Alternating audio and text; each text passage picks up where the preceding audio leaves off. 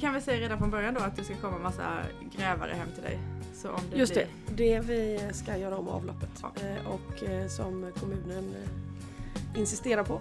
Och det kommer att rassla och gräva och låta och härja om en stund. Så vi får se till vilken grad det sker. Ja. Om det gör att vi måste avbryta eller det funkar ändå.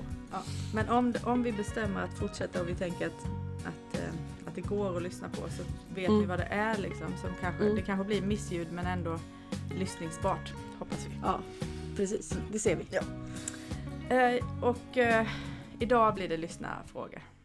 Okej, nu kommer de. Ja, för nu är min hjärna nere, långt ner i jorden bland eh, mikroorganismer och svamphyfer och aggregat och eh, allt vad det heter. Eh, Ja, okej. Men det hade ju kunnat bli en spännande podd, tänker jag. ja, jag tror det också fast kanske inte än.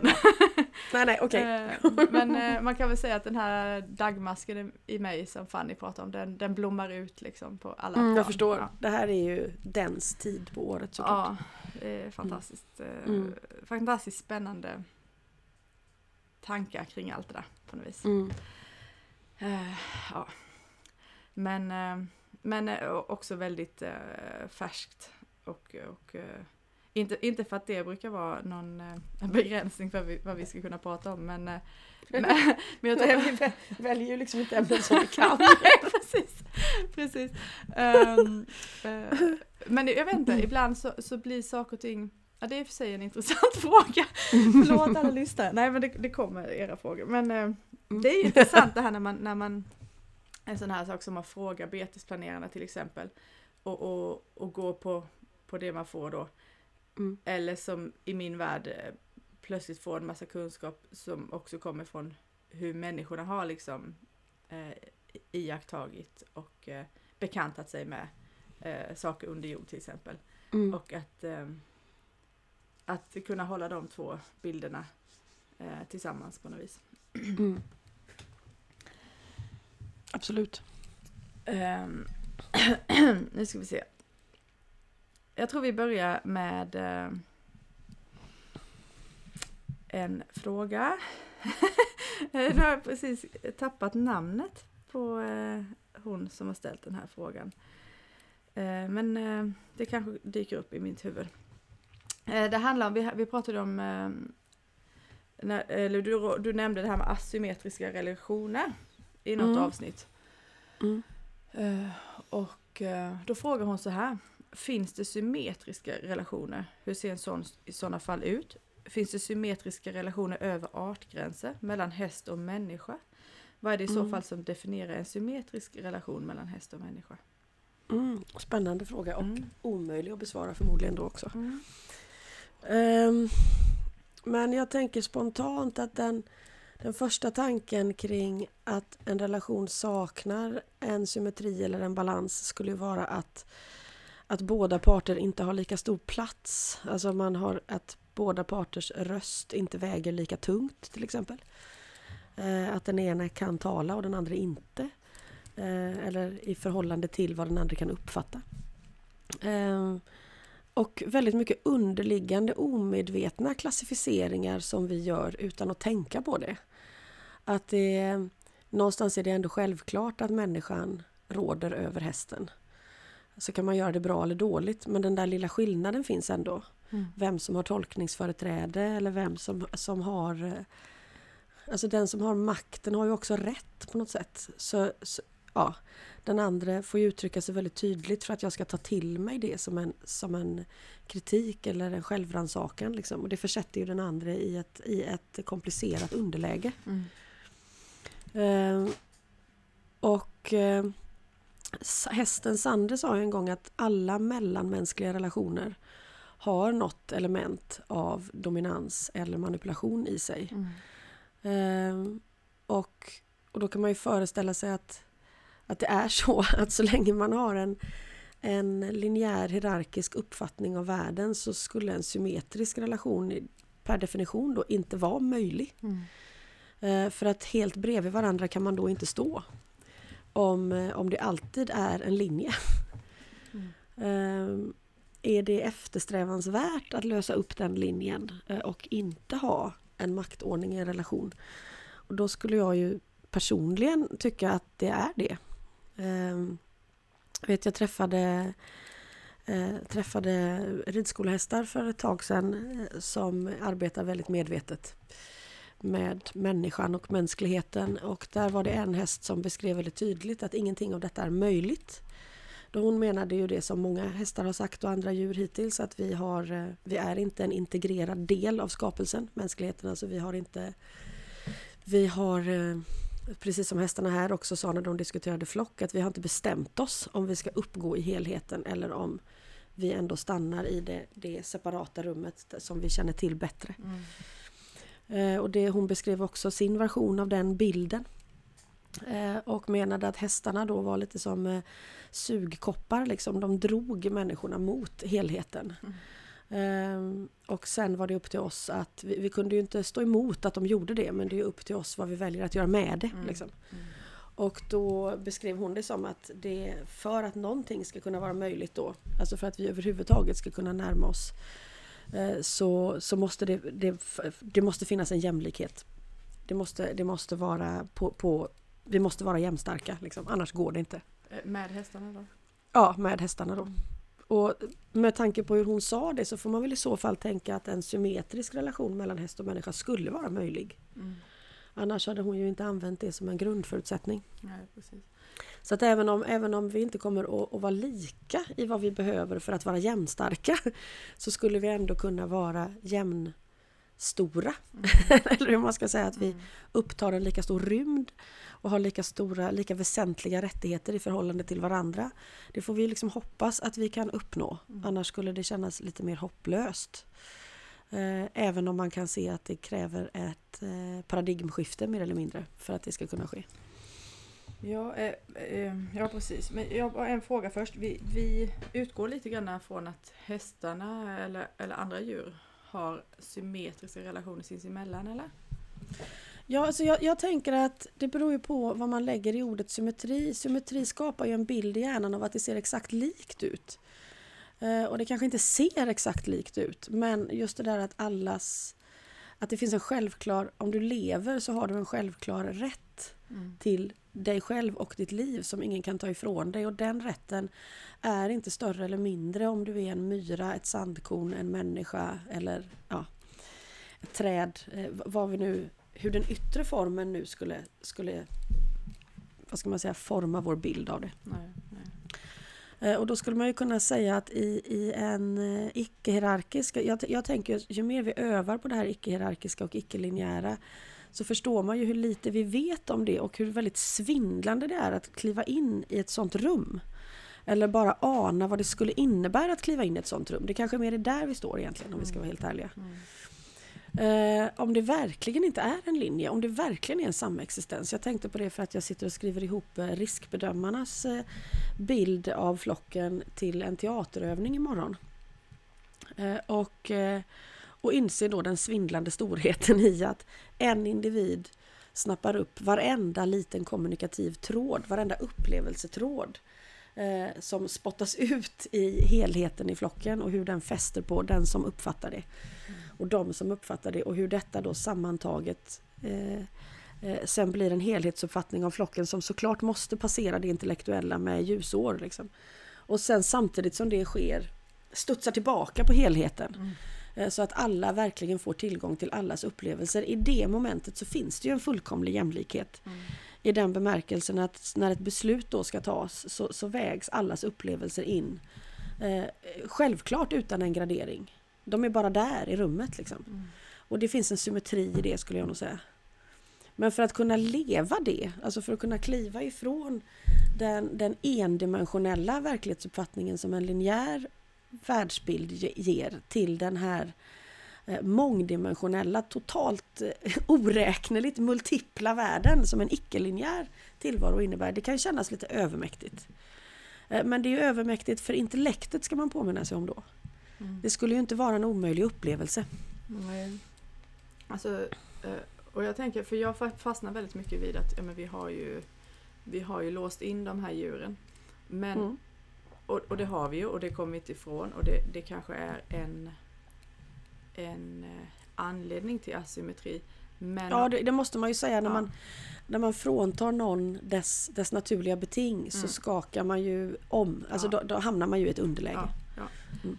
Å andra sidan så, så får man ju inte då, tänker jag nu när du, när du beskriver det så här, låta det eh, hindra en att, att eh, eh, försöka eller ställa sig där och, och eh, göra sig redo för upplevelsen av Mm. eh, det här som hästarna då delar. Eh, Mm. Alltså att det, det, det är liksom Det vore synd om man tänker jag har satt upp ett staket, allt är kört. Mm, Eh, absolut, eh, absolut. Det, men, eh, Det vore ju också lite, ligga lite självömkan i det nästan. Ja, precis. Alltså, ja, men precis. nu råkar det vara kört så att jag får vänta ett tag. då. Mm, det är inte mitt fel. Men nästa steg då om man tänker om man tänker att det är staketet som problematiserade, eller gör ett problem, vilket det gör, ju gör, så tänkte jag, ja men eh, kan jag ha en symmetrisk relation med ett rådjur då? Mm. Ja, det kan jag nog, men jag tror att vi båda två skulle kunna i också en sån relation vara medvetna om att, att jag skulle kunna gå och hämta ett gevär och skjuta det. Alltså att, att det Mm. finns i min mänskliga möjlighets, eller ja, kapacitetsvärld. Ja, Liksom. ja, det gör det. Men då får man ju också, då får man också ställa sig frågan eh, för brevskrivaren s- nämner ju också olika arter, alltså inte bara symmetriska relationer inom arten. Mm. Hur förhåller det sig i så fall med symmetrin mellan rovdjur och- och bytesdjur? Mm. Eh, är det så att det är en asymmetri där också? Är hela skapelsen egentligen baserad på asymmetriska ojämlika relationer där man får kämpa för sin plats? Eh, det är ju så vi väljer att se det. Alltså, det är ju så människan har valt att förhålla sig till naturen till en väldigt stor del. Att antingen så äger vi den eller så är den en, en hotfull, eh, illasinnad plats som är som en känslokall maskin som bara, ja, den starke får hävda sig för att klara sig men det finns den här vänliga bakomliggande väggen som Nastja nämner. Den finns ju inte där i den bilden. Mm. Liksom. Ehm, Jag har ju ett jätteproblem med eh, våld överhuvudtaget. Jag tycker det är, är jättesvårt. Jag kan inte se på ens frivilligt våld. Jag klarar inte att se en boxningsmatch. Liksom. Alltså att någon skadar någon är jättetufft. Liksom. Så svårt att jag förstår att en del av det måste också ha någon slags his- förhistoria eller obalans i mig. Liksom. För att jag vet inte om det verkligen är rimligt att reagera så starkt. Men, eh, eller så är det det. Jag kan inte svara på det. Men man får lägga in det i min... det är nog med när jag ska bedöma saker. Så att mitt förhållande mellan...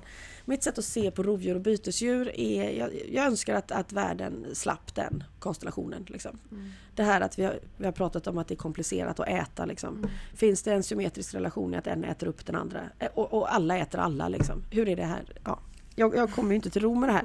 Har vi ju förstått.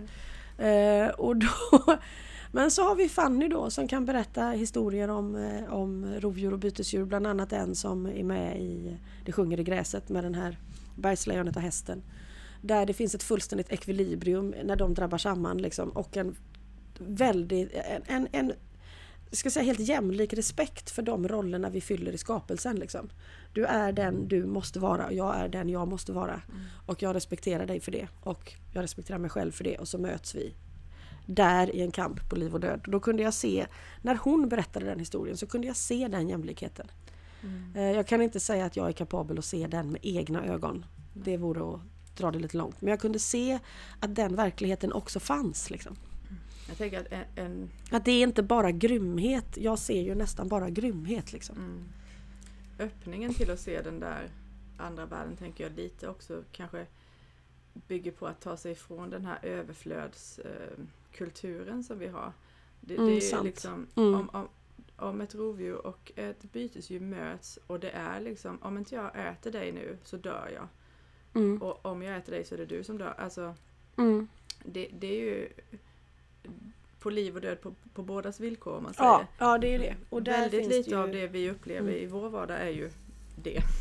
Ja, det är sant. Där har du verkligen en poäng. Och det tänker jag också med din bild av att rådjuret vet någonstans att jag kan plocka fram det där geväret. Rovdjuret vet någonstans att det är vi som lägger vägarna där de blir överkörda av bilar. Liksom.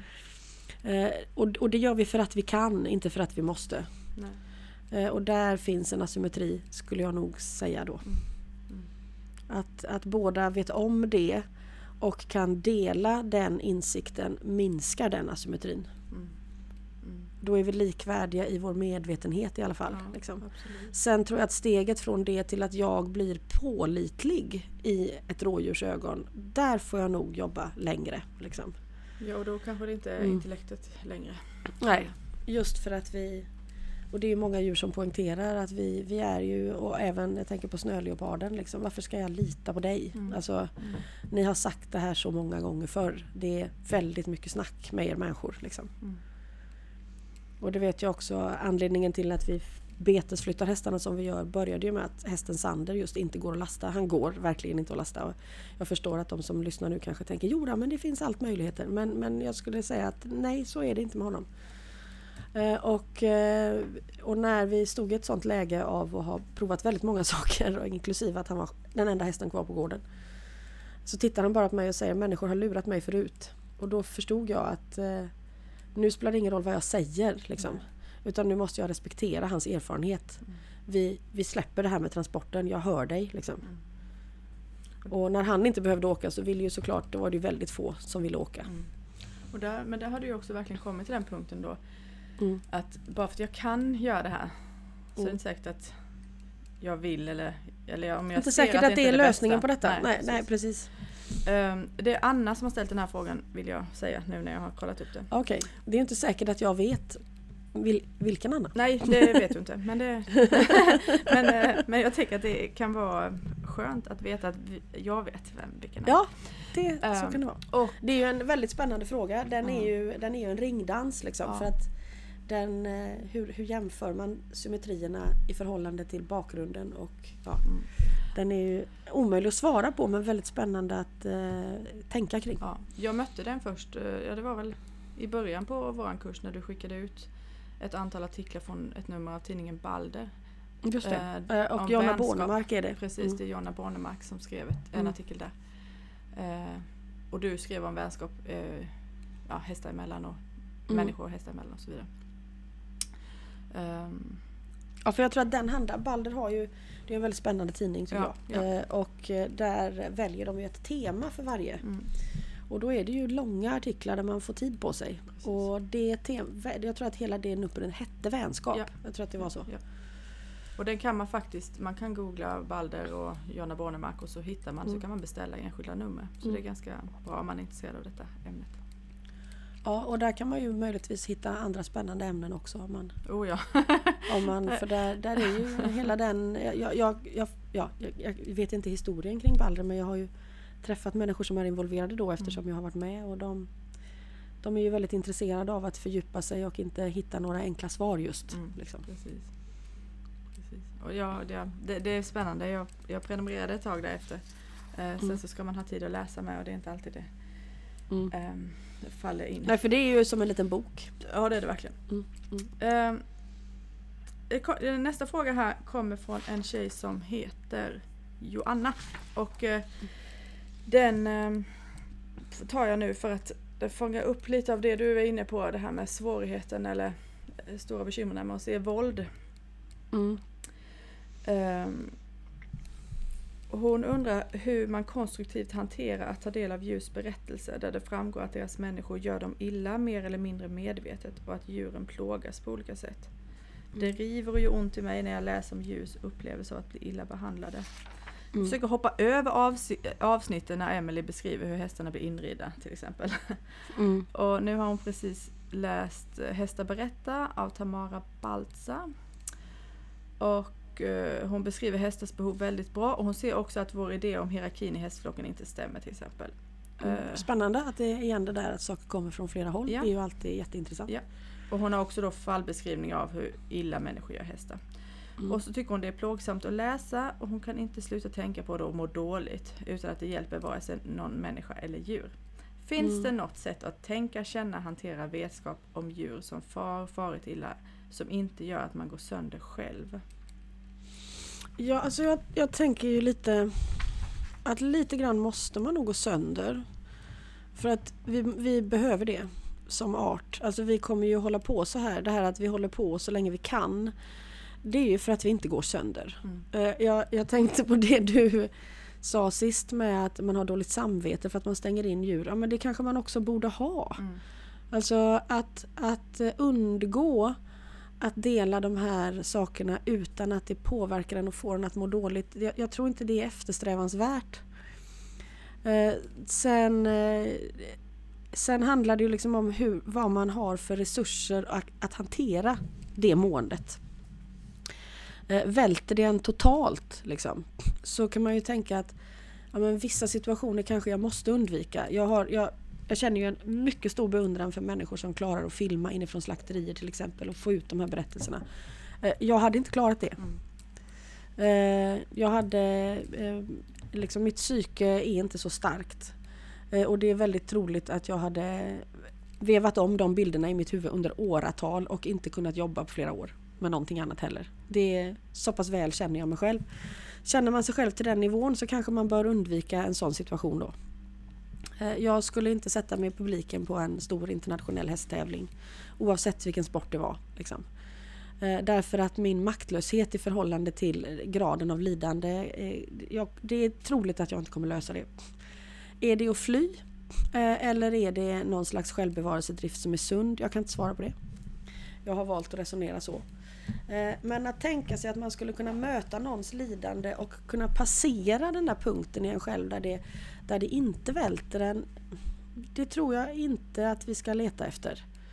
För att då tror jag att vi, vi i någon grad ägnar oss åt att stänga av. Och min erfarenhet av att hantera eh, Nu måste vi ju igen skilja mellan på eh, medkänsla och medlidande. Mm. Eh, medlidande är att jag lider av att uppleva den andres lidande. Det är min egen känsla jag inte står ut med. Egentligen inte den andres. Medlidandet är min upplevelse av min egen känsla av vad den andra är med om. Så skulle man kunna säga. Medkänsla är min upplevelse av den andres. I medkänslan finns det ett delande som inte förekommer i medlidandet. Eh, och ju mer man delar ju större blir utrymmet. Så lösningen på eh, den extrema smärtan i delandet av en riktigt förfärlig upplevelse är att man öppnar sig mer Alltså mer medkänsla. Det finns ju ett ord som är överempatisk och jag tror inte att man kan vara överempatisk. Inte empatisk, däremot så kan det bli alldeles för mycket medlidande. Mm. Men jag tror inte att det kan bli för mycket empati. Eh, därför att det kommer att öka rummet, det kommer att öka delandet. Jag vet att när jag har samtal med Fanny och hon ibland berättar historier som är det är sådär, man kan inte ta upp dem. Jag, jag, kan inte ens ta upp dem i en podd, de är för förfärliga. Liksom. Eh, och jag tittar på henne och säger, jag, jag vill inte, snälla liksom, lämna mig utanför det här. Ska jag berätta detta för den här människan som står bredvid? Nej, jag gör inte det. Eh, då, då trycker hon ju upp bilden liksom, så att man får den ja, en, en millimeter ifrån ögonen. Det är sådär, din uppgift består inte av att dra härifrån. Samtidigt så gör hon det också för att hjälpa mig. Mm. Ju närmare hon flyttar bilden och ju större den blir, ju lättare kommer det bli för mig att svälja den. Liksom. Det, jag vet att jag haft det som exempel för er också att när jag var i Jordanien och började jobba på ett center för, eh, för misshandlade vanvårdade djur som ofta då har, kommer ifrån den fattiga delen av befolkningen där man inte har råd med veterinärhjälp. Där måste man ju tänka att livet för människorna också är väldigt hårt. Det är inte bara hårt för djuren. Men det såklart eh, försvarar ingenting men det reflekterar tillbaks på djuren. Så det är hemskheter som man inte är riktigt van att beskåda när man kommer ifrån en lite mer skyddad verklighet. Då. Så första dagen där, då bröt jag ihop. I medlidande skulle jag säga i efterhand. Jag tyckte jättesynd om mig själv som fick känna allt det här hemska. Liksom. Uh, och jag ville inte prata med någon och jag låste in mig och det var förfärligt och sådär. Och så åkte jag dit uh, nästa dag. Uh, och då, då kunde jag liksom plötsligt se att ja, men de här djuren som har varit med om det här, de, de ligger ju inte på golvet och hatar världen utan de, då kunde jag liksom förstå ur ett förstorat perspektiv hur de vilka insikter de hade kommit till i det här lidandet. Det, det rättfärdigar inte det man har utsatt dem för men jag förstod att min första bild var inte den enda verkligheten på den här platsen utan det fanns också något väldigt stort där. Liksom. Så tredje dagen åkte jag ju dit liksom väldigt upplyft och glad och nu skulle jag minsann få, få visdomsord av de här fantastiska djuren som hade gått igenom så mycket.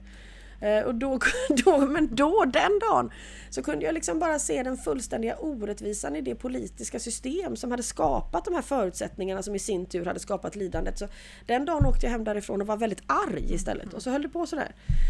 Och då förstod jag verkligen att ja, men min enda lösning här det är att vidga. Liksom. Jag måste öppna mer. Det, det, finns liksom ingen annan väg i, i medkänslan än mer medkänsla. Mm.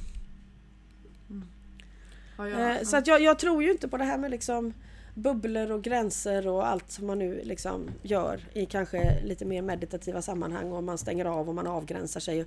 Det är den första frågan jag får om jag har en föreläsning. Är, är, det är två frågor som alltid kommer när man har pratat klart. Den ena är, går det att stänga av? Eh, och då säger jag nej och då blir det det är fel svar. Det skruvas på i rummet. Folk skruvar på sig i rummet och blir inte alls nöjda med det. Och den andra frågan är Vem är ledare i flocken för era hästar? Varpå man tänker Har du lyssnat alls ja? Ja vad har jag gjort för fel nu? Ska, ska jag börja om? Ska, vad gör jag med det här? Liksom. De två frågorna är Ja De kommer alltid oavsett liksom, vad ämnet har varit eller vad publiken består av. Så, de två. Eh, så att man förstår att man vill kunna ha en avknapp eller en dörr ut. Eh, och nej, eh, jag tror inte på det. Mm. Utan jag tror att man ska igenom det lidandet som den här personen beskriver. Mm. Och vänta kvar där och se för det där, den där första känslan som välter en och som man tror att man inte kommer att, att kunna ta sig upp ur. Det är inte hela bilden. Mm.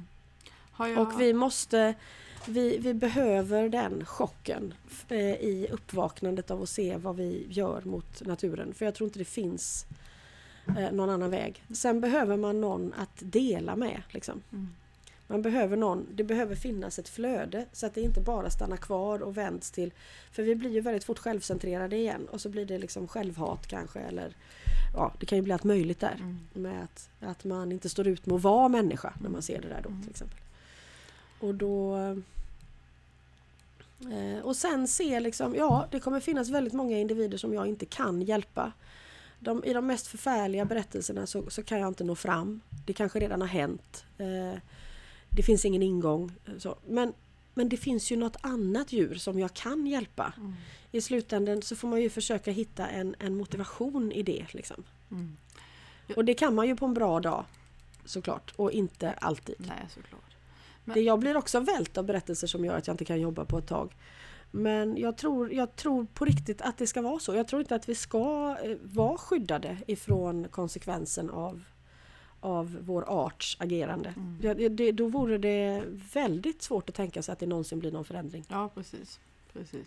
Jag, jag tror att jag har delat eh, det här innan. Ganska tidigt i mitt liv så, så hörde jag en berättelse om eh, sjuksköterskor som gick in i väggen. Och alltså man hade ju, man, ehm, man kopplade upp sjuksköterskor kontra en munk. mm. Ehm, på ni vet såna EKG eller vad det nu är, man gör puls och Okej, okay, vad spännande hej, hej och. Ja, vad intressant. Och så då fick, fick de då ta del av andra människors lidande. Mm. Och, eh, och då, då kunde man liksom rent fysiologiskt se um, att många av de här eh, sjuksköterskorna då eh, skulle man kunna säga upplevde medlidande. Alltså de, de eh, tog över eh, väldigt eh, Alltså de, de, de, de led mm. Ehm, och, och eh, eh, bar med sig detta och blev så småningom utbrända då. Mm. Men medan den här munken då istället för lidande eh, områden i hjärnan om man säger så, så, så tändes eh, samma områden som, som tänds vid eh, kärlek. Mm -hmm. och, och de, det, här, det, här, är ju då det engelska Spännande. ordet för compassion. Uh, och han, ja, alltså, han är en munk då som är tränad i compassion. Vilket mm. ju är i princip det du har pratat om nu uh, mm. uh, hela tiden. Och, och det Eh, jag, det var bra sak att höra ganska tidigt i sitt liv, liksom, att, att mm. få den här distinktionen. För det, mm. det, blir en sån tydlig, eh, det är en ganska tydlig bild tycker jag. Mm. Eh, att det är det. Skillnaden. Och, och det, sen är det ju som, som allt annat som är väldigt, väldigt likt och också motsatt. Eh, så är det väldigt sällan som man kanske i, sitt, i sin vardag upplever något av de här tillstånden i sin fullständigt renodlade form. Mm. Man tänker att nu ska jag, okej nu förstår jag, nu måste jag lära mig skillnaden mellan medlidande och medkänsla. Och det där kommer ju vara en svävande, ihopflätad, lite trasslig gräns. Mm. Liksom. Eh, eh, Men, men medvetenheten om att det är två olika saker, två egentligen helt olika saker, kommer ju att vara till hjälp, bara det liksom. Mm. Men det är väldigt bra att du säger det för att annars så blir ja, det blir sådär svartvitt igen att ja, men jag Ja. lyckades inte hela vägen. Nej, jag Men, lyckades eh, men, inte. eh, Eh, Det måste vara fel, det här kan inte stämma. Liksom. Eh, för, därför att det är väldigt sällan som saker är bara det ena utan någon slags inflätning av det andra. Mm. Det, så det, det är nog bra att bara ha med sig det. Mm. Eh, nästa fråga eller? Mm, ja. Från, från Anisette. Den här Ja. handlar om hästars fysiska mående och eh, övervikt egentligen. Mm. Eh, jag har ett ämne jag önskar höra era åsikter om och det är hästens fysiska mående kontra vårt ansvar i det. När är det Mm. okej att lägga sig i och när är det inte? Ni pratar Mm. mycket om hästens psykiska måelse, mående, Mm. vilket jag är helt med på. Vi har ju djuren under vårt ansvar och självklart inkluderar det att lyssna till hästens fysiska behov och även personliga viljor och önskningar. Hästar, lever som, hästar som lever som vilda ligger på en 4, 5, 6 i hullskala. Det här har jag försökt kolla upp. Det finns två olika hullskalor men jag tror att hon menar att de är ganska tunna. Eller det, Mm, det hon, hon, menar, hon menar på en skala till 10. Liksom. Jag vet att en Ja, det finns en, den är nog till 9 tror jag. Men ja. den är till nio, ja, Mm. för jag vet att jag har jobbat ihop med en av stallcheferna i Jordanien. Han följde en sån skala. Mm. Och stäm, är hennes som hans så är 4-5 lite ja, mot underhull då Ja, skulle man kunna Det, säga. det Mm. borde ju vara rimligt. Mm. Många av våra tamhästar ligger en bit ovan vilket jag har svårt att acceptera med tanke på vilken förslitning det bär med sig. Säg att en häst lätt Mm. blir tjock och inte vill motionera under tvång. Mm. Eh, Jag har ett konkret exempel i min närhet. Hästen går som gro- grovt överviktig i flera år och går sönder tidigt i livet. Kanske inte beror på detta, men säg att det gör det. Hästen vill känna sig fri och uppleva äventyr, gärna i rörelse, men känner sig begränsad på grund av kroppen. Detta hade Mm. kunnat förhindras med annan typ av utfodring och motion från början. Mm. Och jag har själv en tioårig häst som bli, blivit överviktig under vintern. Han verkar inte ha något emot att vara det, men det verkar heller inte som att han har något emot att springa lite extra och äta lite mindre god mat för att bli lättare. Vad är Mm. era erfarenheter och, åsikter med att hålla hästarna i fysisk frisk form? Vad säger Mm. hästarna? Vad är viktigt för dem i detta? Högst Ja. individuellt, individuellt såklart, men Ja, jo det är klart att den, det första man får säga är att det är väldigt individuellt. Ehm, ehm, det finns så många aspekter. Eh, jag tänker att jag träffar ju i mitt jobb eh, kanske oftare hästar som är för smala. Eh, så, det är ovanligt i dagens samhälle väl? Nej, Nej. det är inte det. Nej. Det är verkligen inte det. Ehm, vi har en bild av, nu, nu pratar jag om hästar- som är tä- kanske tävlingshästar, men också på en väldigt låg hobbynivå. Att eh, väldigt många nya ekipage jag träffar eh, kan introducera sig med att ja, ursäkta att han är så tjock. Eh, och jag ser en häst som är ja, kanske åt det smalare hållet men inte på ett sunt sätt. Så pendeln har typ svängt. Ja, Mm. eh, vi har ett väldigt smalt ideal och vi vill nog gärna se hästar som har en ganska uppdragen buk. Alltså finns det en liten, en liten rundning neråt på magen så räcker det för att folk ska tycka att deras häst är tjock. Mhm. Och då skulle jag säga att den här uppdragna, att magen är som ett, har ett rakt streck under. Det tyder, då, är- då, då är det någonting som inte stämmer. Oftast är det magsår. Mm. Eh, Eller så har man smärta någonstans i kroppen som gör att man håller upp buken för att hålla balansen. Liksom. Lite ont i ryggen en, eller ont i benen. typ. Ja, Mm. precis. Vindtunnsutseendet verkar ha blivit en, en idealbild av hur en häst ska se ut. Nu vet jag inte om, om Anisette eh, har den bilden också som en frisk bild. Eller om hon menar den här bilden som, är, som vi kan se att våra hästar ibland får på vår och höst. När de bestämmer, liksom ganska tydligt menar att går man ner i vikt på våren och hösten så, håll, så är man friskare på både vintern och sommaren sen. Mm. Eh, Därför att på sommaren finns det möjligtvis mer tillgång till snabb näring och på vintern är det möjligtvis mer stillastående på grund av underlaget i marken. Eh, och då har man en del att vinna på att gå ner i vikt på vår och höst. Vilket de då gör. Eh, och då får man inte den uppdragna magen utan då ser de lite mer sådär tafsiga ut. Mm. Liksom. Alltså, det, hade inte, knotiga.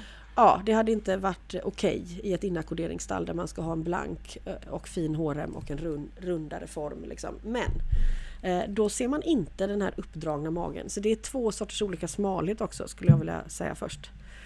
Eh, Och, den här, och det vi märker det är i princip alla hästar som har kommit hit de sista åren har kommit med en sån där rak mage. Och eh, efter, efter några veckor eller månader så släpper de ner den. Mm. Och, och får en form som är lite rundare och friskare och sundare. Liksom. Så jag tänker från det eh, det skulle jag inte kalla övervikt. Liksom. Jag vet inte om den här brevskrivaren då skulle anse att även det skulle vara en övervikt. Eh, därför att man är, är van vid den här bilden av den mer vinthundslika hästen. Då. Eh, så att man behöver skilja på dem tror jag. Mm. Ja det var, det var Eh, nytt för mig, det var väldigt spännande. Ehm, så och sen har man det då som skulle vara, vara ren övervikt, alltså fetma då som, som nog jag upplever vara ovanligare. Eh, men det, det förekommer och det är ett problem såklart för dem eh, som för oss. Men där tänker jag, där, där har vi ju ett dilemma med att det är ett system vi har ett systemproblem. Eh, jag vet när vi nämnde det här eh, idén om, eh, om hur en av betesplanerarna tyckte att man skulle hantera fånghästar. Alltså man minskar inte mängden mat förutsatt att man inte överfodrar. Liksom, med, jag tänker att väldigt många hästar äter för mycket kraftfoder. Eller för mycket kohösilage. Ja, ja. Eh, men att man ökar mängden rörelse istället. Mm. Eh, Och i det fallet ökar man mängden rörelse med att öka utrymmet i hagen. Och att maten blir så spridd att rörelsen helt enkelt blir nödvändig. Vilket inte blir riktigt samma som att liksom piska runt någon som verkligen inte vill gå. Eh, Och så fort motionen blir plikt, liksom, du måste gå för du är för tjock. Eh, Det är väldigt svårt att få in glädje i den rörelsen. eh, Med hur positiv häst man än har. Liksom. Eh, Ja, innan du att- går vidare måste Mm. bara, eftersom vi ändå talar lite om vad som är fetma och Mm. inte. Mm.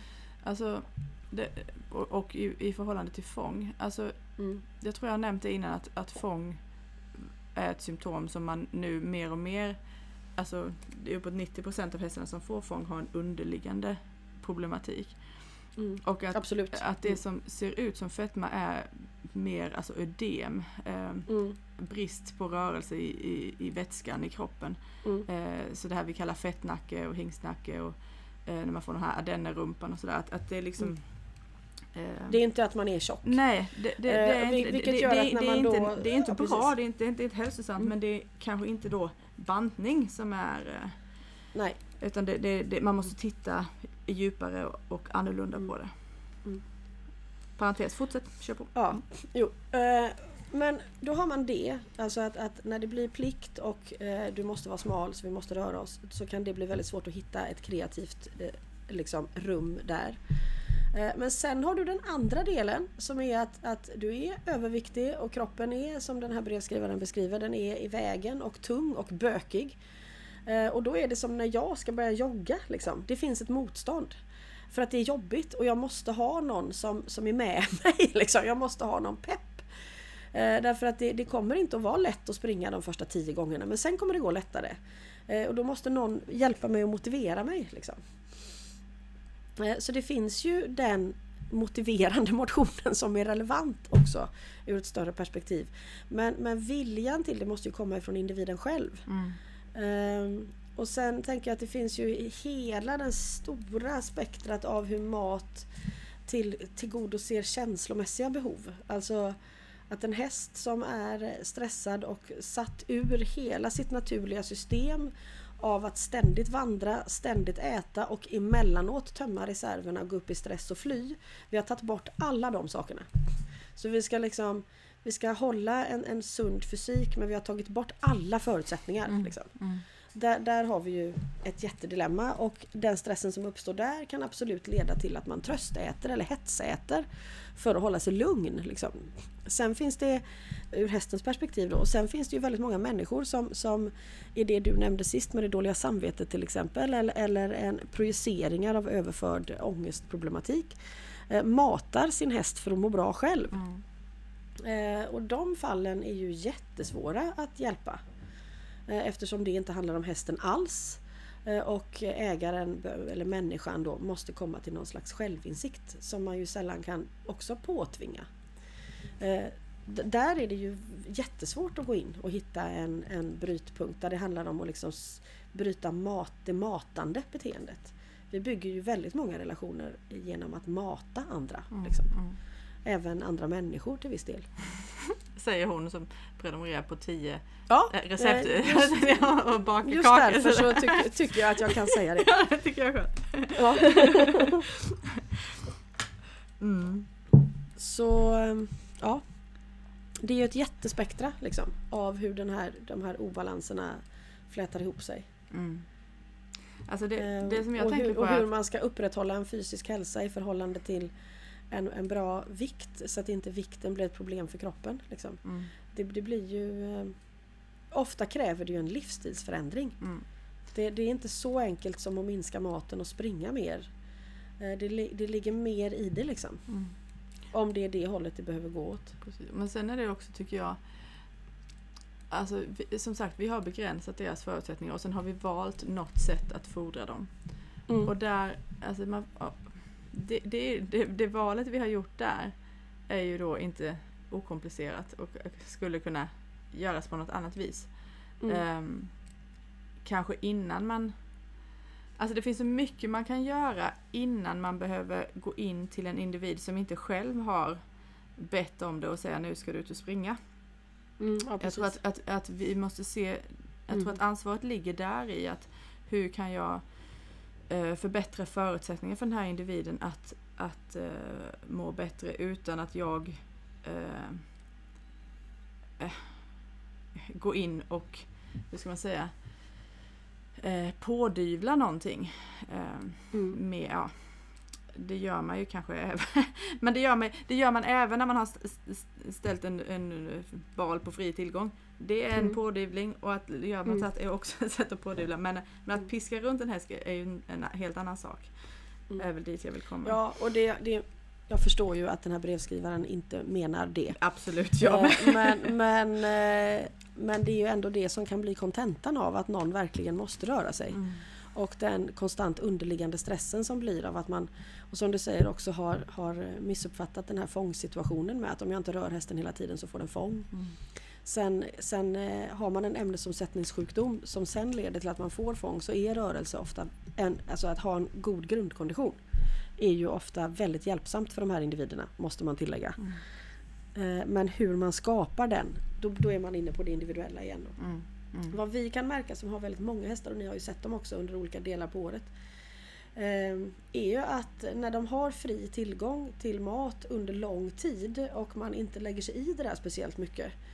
Eh, Och rörelsen uppstår ganska spontant av att de är många och ibland tillför vi det som då blir en, en extra rush. Liksom.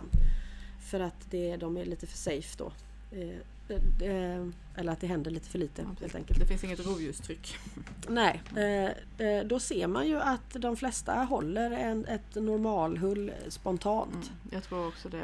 Det, det, det är alltid en grupp som går mot undervikt och det är alltid en grupp som går mot övervikt. Eh, också baserat på hur vi avlar fram våra raser. Man kan se att liksom hästraser som kommer ur bergsområden har lättare för att utveckla övervikt. De är ju designade för att det är ett jäkla jobb att få tag på maten. Mm. Liksom. Mm. Eh, och, eh, och sen åt andra hållet med kanske mer fullblods eh, inkorsningar i och så. Att de får svårare att hålla vikten. Mm. Men den stora massan lägger sig på en normalvikt. Jag tror också de. det, det, jag tror att det, det är dit de allra flesta Mm. av oss strävar. Att kunna ge tillbaka så mycket eh, ansvar och eh, valfrihet som möjligt till hästarna, eller hur? Mm. Mm. Och, och, mm, och då, ja, till exempel då ska man inte göra som jag gjorde ett år och gav dem hö med klöver i. Det är inte så många Mm. kanske som fixar det. Så- Nej, eller hur? Nej. Det Det är inte så mycket valfrihet heller när det är det enda Nej. alternativet. Liksom. Ja, och man får lära sig av allt det där som man är med om. Ja, Liksom. ja. Eh, men, men att eh, i de fallen där man blir besatt av utfodringen, liksom, där kan man ju se att det ganska fort också skapas ohälsa. Mm. Så göra för mycket mycket och försöka liksom skapa en, en perfektion. Så, no, det, det, är bra tror jag om vi litar på den andres förmåga att, att upprätta sin egen balans. Mm. Mm. Det, det, är bra om man backar av lite. Mm. Om man försöker att skapa så naturliga förutsättningar som möjligt och sen backar av lite grann och ger det tid. Mm. Ja, eller hur. Och, det, och den där mm. tiden är ju mycket längre som vi brukar säga mm. än vad man först tänker. Ja, det är den. Ja. Ehm, jag ser på Santos nu, han har varit här i två år tror jag nu, lite drygt. Mm. Men jag menar, det har hänt saker, det är inte det att det inte har hänt saker. Han, mm. han kan röra sig och använda sin kropp till exempel. Men, mm. men andra saker är ju liksom sånt som jag bara börjar upptäcka. Och det vet jag du har haft mm. hästar hos dig i många, många år och mm. upptäcker nya saker. Ja, absolut. Det, man, man ska inte tänka sig att det är att man kommer fram. Liksom. Nej, nej. Eller man ska säga att, det, att man når ett slutmål. Det finns alltid möjligheter att fortsätta expandera på något sätt. Mm. Mm. Um, jag läser vidare här lite. Mm, mm, mm. Och då kan man också säga, förlåt, men ja. apropå det där med, jag, jag tänker också, vi hade Ninos hovskola igår med ämnet hur hoven, eh, alltså hur flocken och hoven interagerar. Alltså att verkar du en häst så verkar du också flocken. Han har eh, spännande idéer. Ja, ja han, har, han har jättespännande ämnen. Uh, och, och då blev det väldigt tydligt att för då skulle vi i verkningen av varje individ som liksom kom fram då för det uh, tänka oss att vi man liksom kapade av den övre hästen och nu verkar jag hela flocken. Mm. Samtidigt så ska jag göra mitt absolut bästa för just den här hovens förutsättningar. Och så hjälpte han till och guidade på varje individ.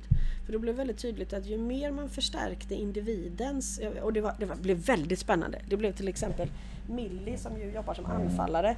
Där var det viktigt att liksom kanten alltså kanten på väggen mot marken skulle vara skarp. Mm. För att mm. när hon träffar någon så ska det ju skada. Alltså hon ska ju kunna skada någon. Mm. Eh, tänk, nu vi, vi sa det några gånger också, nu är vi väldigt långt ifrån hovslagarskolan här.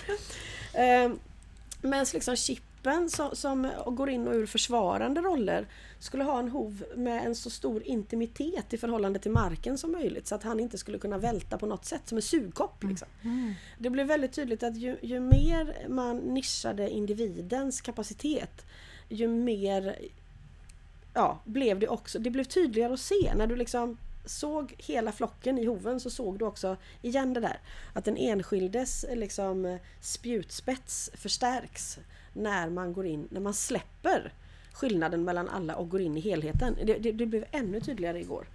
Och då tänker jag, då är det ju samma med att det hullet som gagnar en försvarare är inte samma som gagnar en spejare. Liksom. Har du en överviktig varnande häst så kan jag tänka mig att den verkligen säger Hjälp mig, så här kan jag inte ha det. Liksom.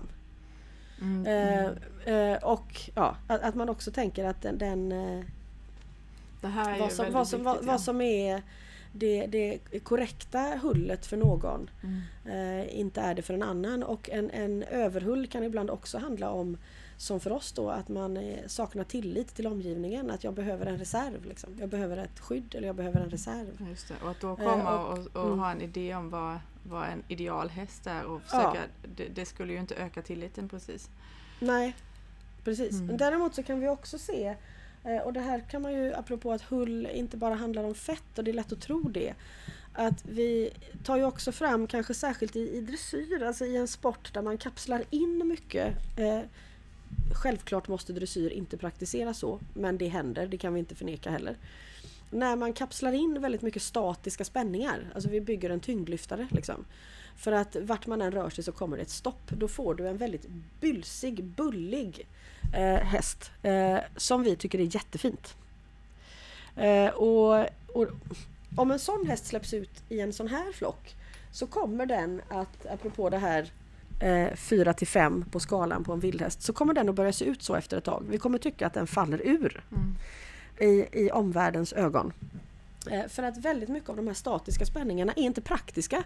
Men de har format en siluett av en häst som vi har vant oss vid som normal. Liksom. Mm.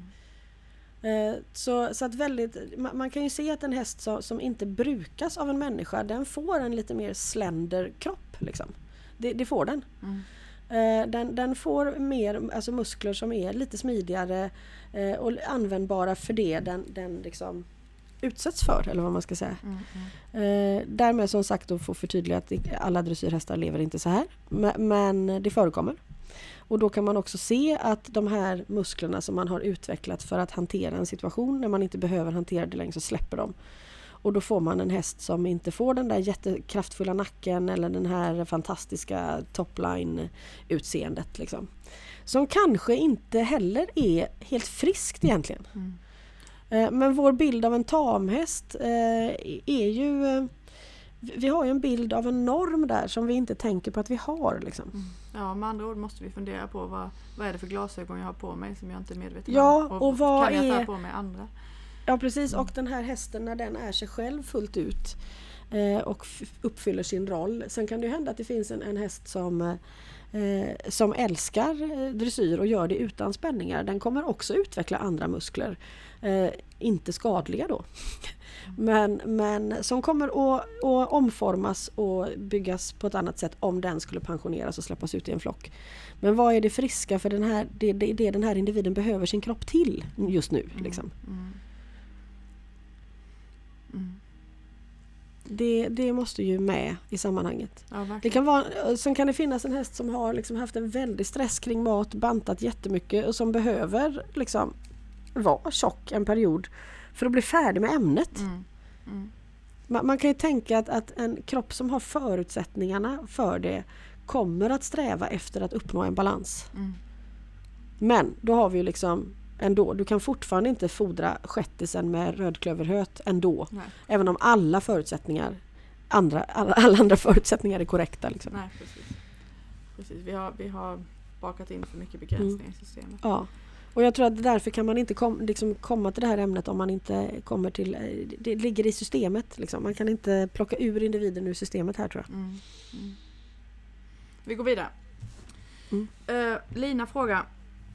Ja, för, förlåt, Ja. en sak. vi går Eh, inte jag- ja, nej, vi går inte vidare riktigt just nu. För att, eh, eh, jag tänkte också på den här ridskolhästen som jag träffade eh, som beskrev det här. Och samtliga hästar på den ridskolan, eh, många av dem i alla fall, är väldigt medvetna om vad de gör. Och de är många och de lever under omständigheter som är begränsade. Men de gör något av det. Och då kunde jag notera när jag var där och träffade dem på det sättet som jag gjorde då att eh, det, och det sa jag också till hon som var verksamhetschef där att vad fina de är i kroppen. För att på något sätt när de hade den här balansen i att kunna utföra sitt jobb på ett meningsfullt sätt. Så kan man Ja. säga att det är för dem just nu.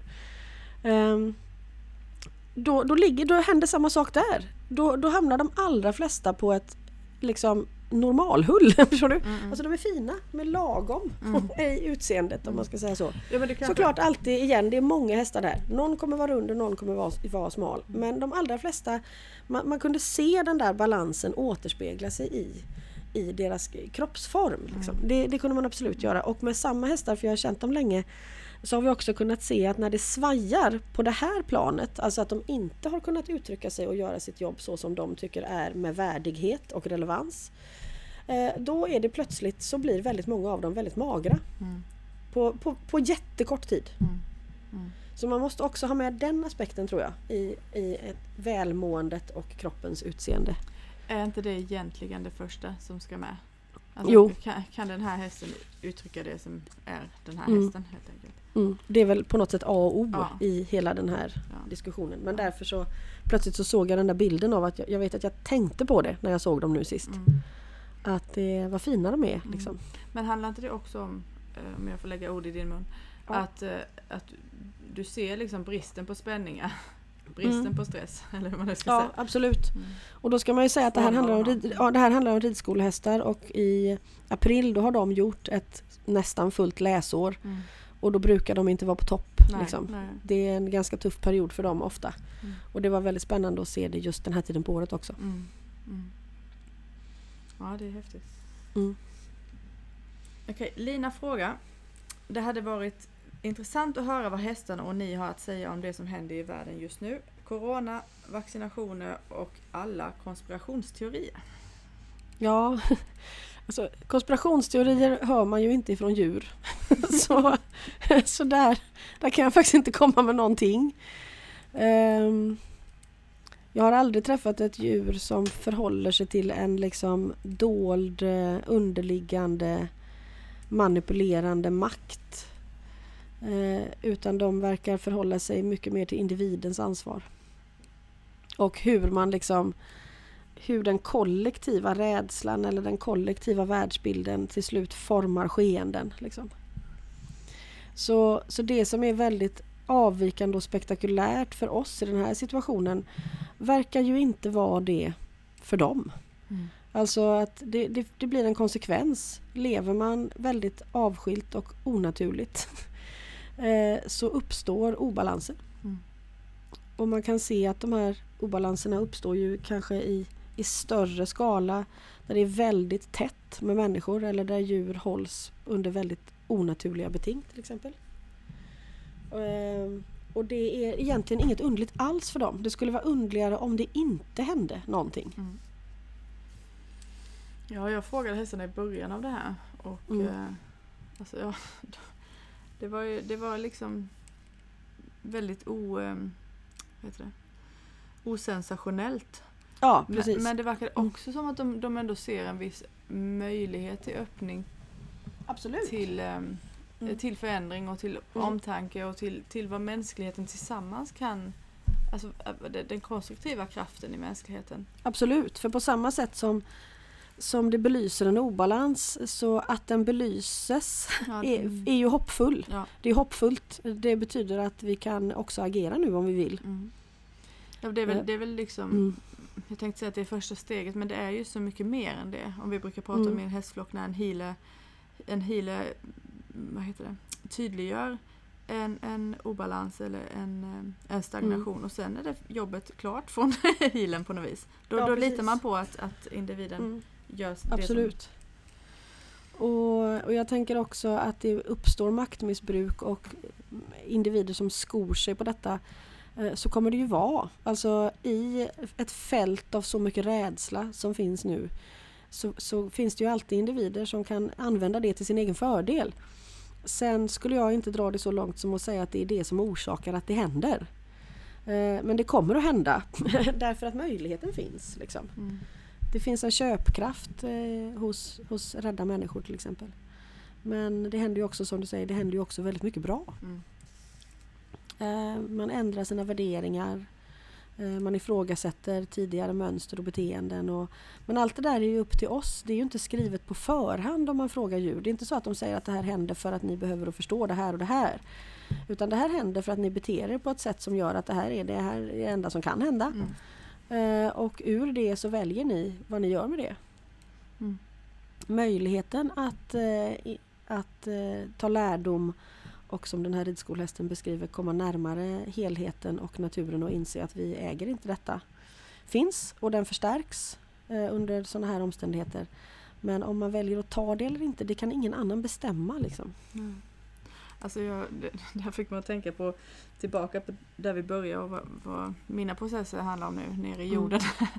Mm. en av dem som jag lär mig av just nu, han säger att det, alltså om, man, om man skulle se på människan ur ett um, av biologiskt perspektiv, då är vi parasiter. Mm. Vi parasiterar ja. ju på resten av naturen. Och, mm. och um, ja. Det är lite hårt, men, men det, det, finns ju en möjlighet att inte vara parasit. Liksom. Ja, det gör det. Mm. Men det kräver ju liksom ett agerande. Mm. Och det är där också just det här att de här jobbiga känslorna som kommer vid den sortens insikt är ju nödvändiga som en motiverande kraft mm. i slutändan. Eh, för mår vi bra av det så kommer ju ingenting att hända. Så Nej, är det. Såklart. Eh, och eh, att lidandet såklart ökar på ett möjligtvis att det ser ut som ett orättvist sätt för individen för att helheten ska, ska påverkas. Ja, I slutändan så går det kanske jämnt upp. Jag vet inte. Så stort perspektiv kommer jag som människa aldrig uppleva. Nej. Men, men men att några av oss behöver bli välta av våra insikter, så är det nog. I slutändan tror jag det hjälper helheten. Ehm, genom att man väljer, som är den här munken, då, väljer vägen av att öka medkänslan. Mm. Jag, jag, tror inte det finns någon annan riktigt gångbar väg i slutändan, om jag ska vara helt ärlig. Mm. Och det är det man får, svar, liksom får hitta i alla de här situationerna. Mm. Alltså jag eh, frångår ämnet lite kanske men Mm. eh, jag tänker att vi säger egentligen två saker alltid i den här podden. Nu har, Mm. för jag, jag har ju länge sagt att vi säger samma sak hela tiden men nu har jag typ Mm. Vi säger två saker alltså, Ja, inte bara en. Nej, Ja. nej jag skulle säga så, två saker. Ja. Det ena är det här eh, tacksamheten i att, att leva. Alltså att, att, Mm. att ha uppkommit i en enskild kropp och få möjligheten att, att uppleva Mm. livet. Och det andra är eh, Fannys, eh, Fannys fråga liksom. Ta det här med Mm. närmre, mer ehm, eh, medkänsla eller ta det mig Mm. ifrån. Mm. Precis, jag, precis. säger inte att det här är det Mm. slutgiltiga svaret på vad vi, pratar om. Mm. Men de två Nej, sakerna Ja, är, de håller. Är, de, de, de Mm. är liksom, jag tycker de, de håller verkligen. Ja. Har, har, Mm. man, har man en frågeställning, har man ett problem, har man en dålig dag. Mm. Ehm, kan man påminna sig om de två mm. eh, så behöver inte så mycket mer ske. Liksom. Det, är- Nej, det det är är ändå inte sant. dåligt. Mm. Ja, eh, och sen tänker jag också på lite tillbaka till den här frågan att eh, med konspirationsteorier och maktmissbruk och hela den andra sidan där. Jag, jag har jobbat nära makt och funnits, liksom varit i miljöer med människor som har väldigt mycket resurser. Och det blir ett, ett missbruk i det i sig själv, alltså den obalansen föder sig själv kan man säga. Men jag skulle inte dra det så långt som att den är beräknande. Menar du att om man har, Ja. alltså bara det faktum att någon har väldigt mycket resurser är Ja. en obalans i sig? Ja. Som, som föder vidare Alltså, på den spiralen? Ja, mycket vill ha mer Mm. eh, är ett simpelt uttryck som ändå verkligen ställer till riktigt mycket för mänskligheten. Mm. Ehm, och då är man tillbaka på de här två. Tacksamheten över att finnas, det räcker. Mm. Eh, och gör det här mig mer eller mindre empatisk. Gör den här vägen, idén, teorin mig mer eller mindre empatisk. Mm. Det är också medicinen mot det. Liksom. Mm. Mm. Jag Man vet att du behöver sa någon gång... Inte eh, föra något krig för att då har man egentligen ehm, Det har gått eh, andra hållet kan man säga. Ja, då har man i alla fall gött den andres eh, eh, liksom existensberättigande i en väldigt hög grad. Mm. Jag vet att du har sagt någon gång att, eh, att, att vara medveten om att man har makt eh, och, och avstå från att eh, utöva den Mm, skapar väldigt stort utrymme. Typ något Ja. sånt. absolut. Det, det har ju några människor kunnat visa genom historien och de är inte många men det är väldigt spännande när det sker. Mm. Det, ja, Hur mycket makt har vi? Alltså, eh, det är ju lätt att, lägga det här på någon annans, framför någon annans mycket skulle jag säga. Ja, jag tänker också det. Vi har Ja. jättemycket makt. Mm. Alltså bara det att vara, haft turen att födas i ett eh, liksom, rikt land där vi typ slänger vi- saker som är fullt användbara Ja. eller vad det nu är. Vi är ju resursstarka liksom. Ja. Och för att på grund av att vi är det så är ju vi eh, en en kraftig stam i den här parasiterande Mm. gruppen. Så är det. Mm. Våra val spelar roll. Mm. Ja, och, nu, och, och nästan, alltså nu kan jag, att, att ha makt och inte använda sig av den, Mm. alltså det, det, det kan man ju tolka på två sätt. Det ena Mm. kan ju vara att man frånsäger sig också sitt ansvar. Eh, Mm. Det är ju inte det jag försöker säga här. Nej, utan det förstår handlar ju om att, Mm. att inte utöva makt över någon annan. Mm. Bara för att man kan. Precis. Det vill jag bara tydliggöra. Mm. Absolut. Och det kan också handla om att inte, inte ta maximal profit bara för att man kan. Mm. Till exempel. Mm. Eller någon annan del av det, spek- av det spektrat. Ja, precis. precis. Att upprätthålla flödet liksom, vilket blev tydligt där med Ninos eh, flockverkningar. det handlar om ett flöde liksom. Mm. Jag tror vi måste hitta också ett sätt att vara sociala med andra människor som eh, ja, men, som är konstruktivt och, och generöst på något vis. Mm. Eh, det, jag är mer benägen att sätta mig långt ut i skogen men jag, jag har liksom börjat se att, att det nog finns en väg också bland människor. Det tror jag verkligen att det gör. Alltså, skulle det inte göra det då hade man ju... Ja, det hade varit väldigt sorgligt. Mm. Men det är inte sagt att... Jag menar, jag skulle ju också springa ut i skogen som ett förstahandsalternativ alltid. Men, men om jag verkligen rannsakar mig själv så är det ju inte bara det jag vill faktiskt Nej, egentligen nej. innerst inne. Jag tror, vem var det? Var det Mm. eh, jag har glömt om kan det varit Celeste? Det var det nog inte. Men det här med att, att eh, låta bli att älska bara för risken av att bli sårad är ju ännu sorgligare. Ja, det tror det var Celeste. Var det? Ja, det är ännu sorgligare. Mm. Då har man missat den enda möjligheten som någonsin fanns. eller Ja, något sånt. ja, Mm. mm. Det var Celeste. Mm. Mm. Och det är ju liksom kärlek, alltså medkänsla Mm. och kärlek, de ligger ju precis där Mm. tänker jag. Ja. Mm. mm. Nu kommer inte jag längre. Inte jag heller tror jag. Nu, eh, Och ing- jag har sett Ja. grävmaskinen där bakom tror jag, men det har inte stört mig i alla fall. Nej, alltså den, den surrar ju mest bara. Jag trodde att det skulle, du vet sådär ibland när de flyttar på grus och det sådär riktigt rasslar. eh, och alla de där små stenarna, vill de verkligen vara där? Ja, det är mycket frågor nu. Ja, du kommer inte ha, no- det är synd att du har de här kurserna, annars hade du fått liksom gå ut och placera stenarna rätt och så. Mm. Mm. Det hade ju tagit så många år Mm. att göra det här att Mm. kommunen, hade, ja vi hade fått trassel. Kanske, det kanske inte hade varit det mest konstruktiva. det vet vi inte. Nej, det vet vi inte.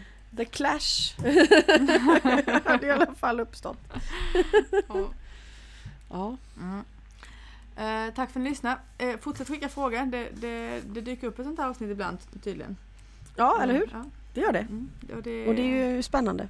Ja, det är jättespännande. Eh, Mm. Man får ju tillägga att vi, vi kommer ju aldrig kunna svara på frågorna. Men om man vill se dem studsa runt i rummet så kan man ju såklart skicka in dem. Jag, tänker att jag hoppas i alla fall vid det här laget att, att, att man har märkt det. Skulle vi liksom påskina att vi har svar så är det egentligen inte ett svar vi har utan det är bara någonting annat. Mm. Ja. Ja, Eh, en rädsla som Ja, precis, ja, precis. Om det låter som vi har svar då är vi egentligen skiträdda. Ja, Yes. Tack för idag. tack!